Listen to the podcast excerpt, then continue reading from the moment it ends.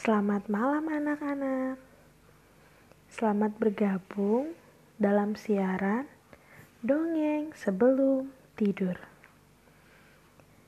Sebelum mendengarkan dongeng, Ibu mau tanya, apakah anak-anak sudah gosok gigi?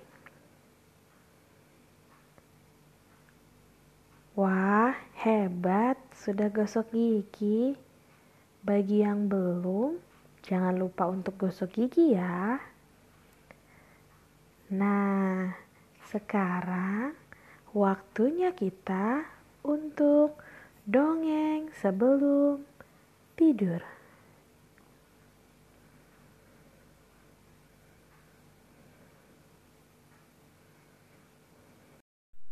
Kali ini Ibu Dinar akan bercerita dengan judul Bunga untuk Ibu. Rio adalah seorang anak desa. Ia tinggal di dekat sebuah danau kecil. Danau itu menjadi sumber penghidupan penduduk di desanya karena banyak sekali ikan-ikan yang bisa dimakan. Danau itu juga dikelilingi oleh bukit yang indah dan cantik dengan pepohonan yang hijau, membuat setiap pengunjung danau merasa nyaman. Pada suatu hari, Rio pun berjalan di pinggir danau dan melihat bunga-bunga yang cantik bermekaran dari kejauhan. Rio pun bergumam. Alangkah indahnya bunga-bunga itu. Aku akan ke sana untuk memetiknya untuk ibu di rumah. Rio tidak mengetahui bahwa bunga-bunga yang indah itu mempunyai bau yang tidak enak dan berduri. Tidak ada orang yang mau memetik dan menaruh bunga-bunga itu di dalam rumah. Saat Rio mendekat dan berusaha memetik bunga itu,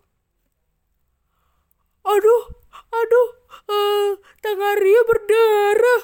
Wah, ternyata bunga ini berduri.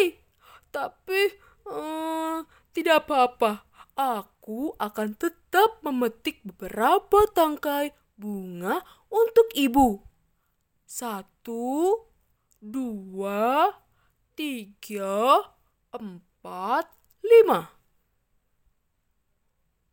Sampai di rumah, Rio memberikan bunga itu kepada ibunya. Kakak perempuan Rio yang melihat dari kejauhan dan mulai mendekat mencium bau yang tidak enak dan berkata, Ih, bunga-bunga itu baunya tidak enak sekali. Iya kakak, aku tidak tahu kalau bunga ini bau, tapi aku sudah terlanjur memetiknya. Tanganku pun sampai berdarah karena tangkainya ini berduri. Uh, ibu, maafkan aku ya. Aku hanya ingin memberikan bunga cantik ini pada ibu. Ibu bisa menaruhnya di luar karena bau bunga ini tidak enak. Terima kasih, anakku. Engkau sangat baik. Bagi ibu, bunga ini baunya harum sekali karena ibu mencium aroma kasih dan ketulusan anak ibu pada bunga ini. Rio pun bahagia dan ia memeluk ibunya. Anak-anak, dari dongeng yang kita dengar tadi, kita diingatkan untuk memberikan sesuatu dengan kasih dan ketulusan, seperti Tuhan Yesus mengasihi kita. Sekian dongeng sebelum tidur untuk malam ini. Sampai bertemu di dongeng berikutnya.